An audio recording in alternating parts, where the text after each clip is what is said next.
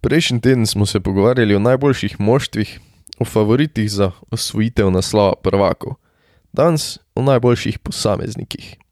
O petih košarkarjih, ki so za čas snemanja prvega četrtega, in ne, to ni prva aprilska šala, prvi v vrsti za osvojitev MVP nagrade.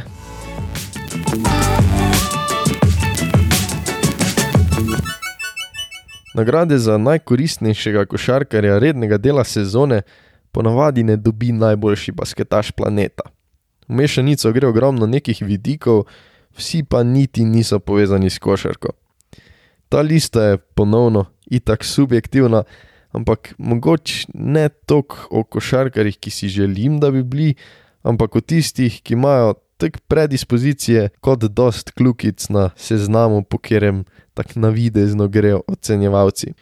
Prvo je treba vedeti, da gre tu za redni del sezone in ga načeloma tako tudi obravnavajo, predstave posameznika pa se velikrat zrcalijo na celo ekipo, tako da mora biti tak ekipa po moje ene top 4, kjer je od konferenc, da je njihov zvezdnik lahko obravnavan kot MVP. Kljub temu, da se gleda kao statistika njegove predstave, kam je pripeljal ekipo, pa ne gre za nikat dobrega starega narativa, torej eh, zgodbo, ki jo pelje košarkar, imajo mediji nad vse radi. Ramona Shelburne, ena bolj priznanih in cenjenih novinark, je lani celo priznala, da je za Lebrona glasovala na podlagi narativa, ki se okoli njega pelje. Zdaj pa na listo. Na petem mestu imam jaz Damiena Lillarda. Dame je verjetno še vedno en najbolj podcenjenih superzvezdnikov v ligi. Izjemen organizator igre, najbolj pa gledalci in navijači z njim povezujemo neomajno zvestobo franšizi iz Portlanda kar je v modernem NBA-ju redko in spoštovanja vredno. Na to peto mesto bi po mojem mnenju lahko vrstil kar nekaj majstrov, Dončić, če se dala zdvigne, tudi Kowaj Leonard ali pa James Harden. Lillard zato, ker je popakiral ta Portland in spet posegel po precej višjih mestih, ki bi jim pripisoval. No. Trailblazersom sta se letos za dalj cajta poškodovala CJ McCollum in Yusuf Nurkic, njihov drugi in tretji najboljši igralec. A jih je Dame Dola lastno ročno držal pri ključku z elito. Trenutno so na šestem mestu na divjem, divjem zahodu, Lillard pa na tekmo dosega slabih 30 točk in 8 asistenc ter dobre 4 skoke. Že ta statistika ga postavlja med elitno sredo.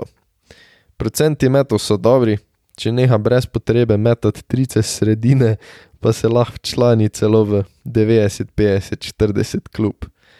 Mal problem pri njemu je, da nima glih neke baš dobre obrambne igre. Če se ekipa še mal dvigne, če Dame ne popusti in številke ostanejo iste, se lahko po tej lestvici še povspne. Po drugi strani pa ga prej našteti košarkari vztrajno lovijo, tako da more kar pohiteti. They still can't get dialed in from outside as DiVincenzo misses the three. Lillard hey, trying hey, to come hey, back the other way, playing around with it, able to knock it down. I guess, he, I guess he woke up this morning and chose violence. Na četrtem mestu imam glavnega igralca novega Space Jama. LeBron James je letošnje leto začel udarno, njegove številke so bile nore, pa je izgledalo, da se sploh ne naglih trudi. Lakersi so bili tudi pošastni. Nekako smo se začeli spraševati, če dejansko gre po novega MVP-ja, da se bo začel trošiti tudi v rednem delu sezone in pri 36 letih ponovno prevzel to krono, pa se je hit pokazalo, da se je tudi on odločil, da rajš ne, se bo šparo za končnico. Kljub temu, da še vedno dosega zaokroženih 25 točk z 8 skoki in 8 asistencami. Pol je začel počasi drseti po lestvici, Da je izpadel iz velike trojke, pa je v glavnem zaslužna poškodba gležna, ki bi ga znala z igrišč oddaljiti za dober mesec. Da si lahko MVP, moraš odigrati tudi dovolj tekem. Če se vrne zmerno hitro, jih bo še vedno odigral več kot 55 v 72 tekem dolgi sezoni, a mislim, da je ta dirka zanj zgubljena in da se niti ne bo več trudil. Poleg tega se zdi, da so Lakersi počasi v prostem padu, saj že dalj cajt ni Antonija Davisa in bi posledično znali zlato vijolični iz L.A. celo izpasti z najboljše četverice, saj jih že lovita Denver in Portland. James po vsej verjetnosti torej ne bo imel dovolj tekem, roko na srce pa je bil v upadu že pred poškodbo. Vse je tu, ker še ima dobre predispozicije, če prija nazaj in igra svojo najboljšo košarko. Poleg tega je tu, ker precej pomemben še tisti narativ, o katerem je govorila Ramona Shelburne, tako da nikoli ne veš. Nov MVP pri 36 letih se ne sliši slabo, a vsem mislim, da gre kipec v omaro enega od svete trojice. Na najnižji stopnički tu stoji Joel Embiid. Tudi tu je glavni razlog poškodba. Dolgo je izgledalo, da bo letos dejansko dosegel status najboljšega v rednem delu, ki so mu ga poškodbe ustrajno preprečevale, in tudi letos so posegle vmes. Za čas objave podcasta naj bi se že vrnil na igrišča in če odigra vse preostale tekme, tudi pride severno od številke 55, ki je vsaj za moje pojme nekak prak, ki ti omogoča vložiti kandidaturo. Da je nad Lebronom je par razlogov. Prvi, najbolj pomemben je, da ima boljšo sezono. Embiid, good luck to anybody in his way. Count it and a foul. Joel Embiid plowing over a man who dared to get into his way. Time now for the Buick drive of the game. Jojo between three defenders. To je zdaj že tretja zaporedna epizoda, ko se pogovarjamo o Embiidu, tako da o podrobnostih ne bom zgubljal besed. Je pa, kot sem že parkrat povedal, dominanten. 30 točk, 11 pa skokov, 3 asistence. 53 posto iz igre, 42 posto za 3, 86 posto z črte prostih metov. Elitni je tako v napadu kot v obrambi, Filadelfija pa je še vedno v bitki za najboljšo ekipo vzhoda. Ampak zadnji in precej pomemben razlog pa je, da se Embidu po moje dejansko gre za to nagrado. Zdaj, kak se mu sicer ne bi šlo, ampak jaz mislim, da bi se znal potruditi. Da je sposoben odigrati vse preostale tekme, so verjetno sam sanje gledalcev košarke, a ne dvomim, da se zaveda, da je nagrada na dosegu roke, če je le sposoben ostati na igrišču. Zadnja dva na moji listi pa sta tu, ker nimata nobenega izrazitega minusa. Statistika je pošastna, ekipi sta dobri, praktično nista odsotna z igrišč. Na drugem mestu imam jaz tak, po moje, dokaj nepopularen pik, sam kakorkoli zapakiraš argumente, Janis Antetokounmpo ima čisto vse predispozicije, da osvoji še tretjega MVP-ja zapored. Bil bi prvi, ki bi mu to uspelo po Lerju Brdu. Vseen, nekako dvomim. Tako sem povdarjal tisti redni del sezone, Greek Freaku hudo vrednost zbijajo propadi v končnici. Predvsem lani, ko niso prišli niti do finala konference. Čeprav kao objektivno za to ne šteje, mislim, da zna kar vplivati na odločitve posameznikov, ki imajo pravico oddati svoj glas. Že celo sezono je dober, a do pred kratkim ni bil v resni debati. Njegova forma se je brez dvoma stopnjevala, ampak da je na drugem mestu, po moje, bolj vpliva, da so prej našteti posamezniki nekako odpadli, v glavnem torej Bron pa Embit zaradi poškodb. Janis pa mirno, konstantno ubija. Dobrih 28 točk, dobrih 11 skokov, dobrih 6 asistenc. To je impresiv, temu pa dodaš eno najboljših obramb v ligi, ko lahko pokriva praktično vse pozicije, ker je dovolj velik, pa močen za mal više položaje, a mu ne manjka agilnosti in hitrosti za nižje branilce. Velik minus mu grejo sicer strelski procenti, nekako se zdi, da je dobrih 30 postov iz začrte 7-24 njegova zgornja meja. Je pa letos na začetku sezone proste meta košek. Giannis Antetokounmpo. That's close enough. kind of in the ballpark. Is that right, my brother? No shade. Ti njegovi prosti meti mi niso jasni, ker so dejansko skoraj vsako leto slabši. Je pa treba priznati, da se je tekom letošnje sezone tudi uspešnost z dobrodelne črte znatno dvignila, tako da je prijadral do nekih slabih 70 odstotkov. Janis ima torej precej manjkov, tako da se nekako oblikujeta dva tabora. Eni navijači ga zaradi tega precej potiskajo dol po lestvici, z argumenti, da ne more zaključevati tekem, ker v ključnih trenutkih ne more zadeti z razdalje ali pa celo prostega meta. Drugi, tudi jaz nekako spadam v to skupino, vestno recitiramo pesmico Šakila Unila. Če si pod košem tako dominanten in praktično nezaustavljiv, ne vem, zakaj bi iskal in rabu iskati nek med za tri. Bi mu prišel prav? Itak. Ampak to je dokaj nerealno. Več kot očitno za tri ni sposoben redno zadevati, jaz bi se v njegovem primeru bolj osredotočil na mid-range. Glede na to, da so Milwaukee Bucksi po slabem začetku sezone prilezli do bitke za vrh vzhoda, trenutno so tretji, gre v glavni, a velik minus Antetakumpu neuspeh v končnici. Dali so mu dva MVP-ja, pa ni mogel prilest iz narekovajih bogega vzhoda. In glih zato je še en majster pred njim. Tudi čisto zasluženo.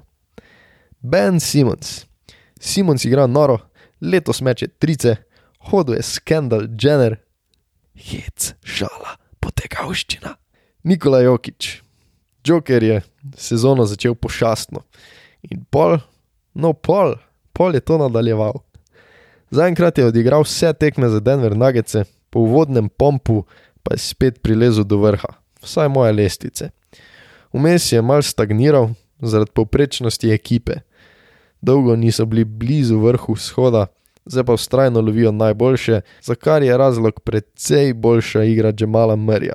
Drugega zvezdnika ekipe, ki vsaj v prvi tretjini sezone ni glih zgledal kot drugi igralec kjerkoli franšize, definitivno pa ne kot zvezdnik. Zdaj se dviga celotno moštvo, ga je pa vse skozi Joker držal pri življenju. 27 točk, 11 skokov in 8,5 asistenc na tekmo. Še ene nore cifre. Za razliko od Janisa se Nikola ne zanaša na fizično igro, obrambe odklepa svojo neverjetno spretnostjo. Mehka rokica vodi tudi do izjemnih procentov meta. 57 posto iz igre, 43 za 3 in 87 odstotna uspešnost na črti prostih metov. Kar pa ga loči od preostalih centrov, pa je neverjetna košarkarska inteligenca in repertoar podaj, ki ga po mojem mnenju vsaj pri katerem od velikanov še nismo videli. So Minnesota passed. Oh, oh, what a pass! Thread the needle, baby! Nikola Jokic. The grabbing. Watch, watch this pass home. Bounce back, and, and the defense couldn't even react. Beauty. To ne pomeni, da skozi zgodovino nismo imeli neverjetnih podajalcev žoge na položaju petke, ampak Joker vidi lukne, razstavlja obrambo in žogo spravi točno tja, kjer more biti. Velikrat skako res seksi potezo. Jokič prilagaja hitrost igre svojemu tempu, vrti obrambne košarkarje pod obročem in dviga celoten napad Denverja. Njegov vpliv se ne more v celoti izmeriti s statistiko. Glede na vse videno, glede na to, da je svoje predstave v letošnji sezoni Nikola dvignil nivo nad status Alstarja, mislim, da ima izjemne pogoje. Glavni vprašaj tak ostaja položaj ekipe na lestvici. Trenutno so peti, za petami jim je Portland, so pa že ujeli Lakerse in se nekako ozirajo proti tretjemu mestu, kjer so Clippersi. V preteklih dveh sezonah je nagrado dobil košarkar najboljše ekipe rednega dela sezone. Denver mora tako po mojem mnenju končati vsaj četrti, optimalno pa lahko realno prilezejo celo do drugega mesta. Trenutno mislim, da če gremo do konca sezone po vzorcu, ki smo ga videli do zdaj, da je zaradi vsega napisanega dejanska tekma le med Jokičem in Antetakumpom, pri čemer je Joker trenutno trdno na prvem mestu. Letos se je pri tej dirki menjalo že ogromno vodilnih, tako da ne bi upal dati roke v ogen. Harden je v Brooklynu pošasten, a mu gre v velik minus sranje, ki ga je pri Houstonu delal na začetku sezone. Dončić je v ekipi, ki se bo težko prebila med top 4 na zahodu, isto velja za Stefa Curryja, po drugi strani je Kawhi Leonard tihi assassin, ki je pač mal neseksi, zato se o njem praktično ne govori. Lillard sicer je na tej lestvici, a bi se znal hitro s sponom Trailblazersov še povspet. Po drugi strani vidim Brona in Embida zaradi neigranja še zdrsniti izven peterke. V glavnem, zanimivo bo in še veliko se lahko spremeni. Ampak stopamo v faze, ko je krok favoritov postal precej ožji faze, ko ni več na kak način lahko X košarkar dobi naziv MVP-ja, ampak faze, ko se pogovarjamo, na kak način lahko Y košarkar MVP-ja zgubi. In trenutno je tisti, ki ga ne sme zgubiti, Nikola Jokič. Pred Antetakumpa ga trenutno potiska strelska učinkovitost, medtem ko Janis lahko poskuša to nadoknaditi z elitno obrambo. Grku gre v minus komično, da je osvojil zadnja dva, Srbu največje preglavice povzroča položaj moštva na lestvici. Ampak kakorkoli zapakiraš, vse bolj se zdi, da že tretji zaporedni kipec za najkoristnejšega igralca Roma v Evropo.